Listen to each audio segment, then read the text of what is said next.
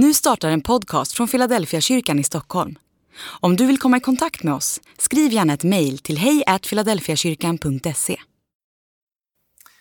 Dag 337 Föräldrar Därför vill jag falla på knä för Fadern, efter vilken allt vad Fader heter i himmelen och på jorden har sitt namn.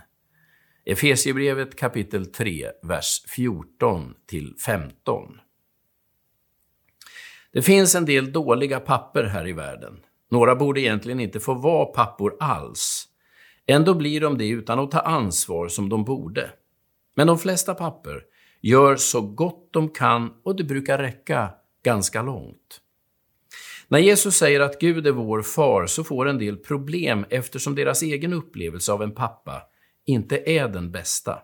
Man överför helt enkelt sina barndomsupplevelser av en pappa till att gälla Gud. Men egentligen ska man göra precis tvärtom. Det är inte din pappa som definierar Gud.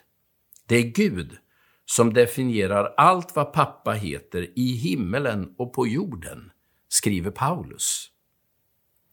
För att få rätt bild ska man kanske lägga till ordet förälder till Efesiebrevet 3.15.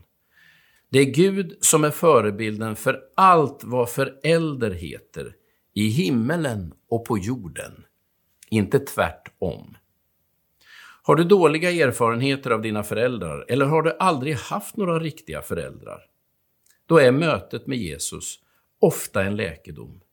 Det du aldrig fick av dina föräldrar eller det du saknar hos en förälder som aldrig funnits, det kan långsamt läka genom frälsningen, eftersom Gud är den efter vilken allt vad förälder heter i himmelen och på jorden har sitt namn.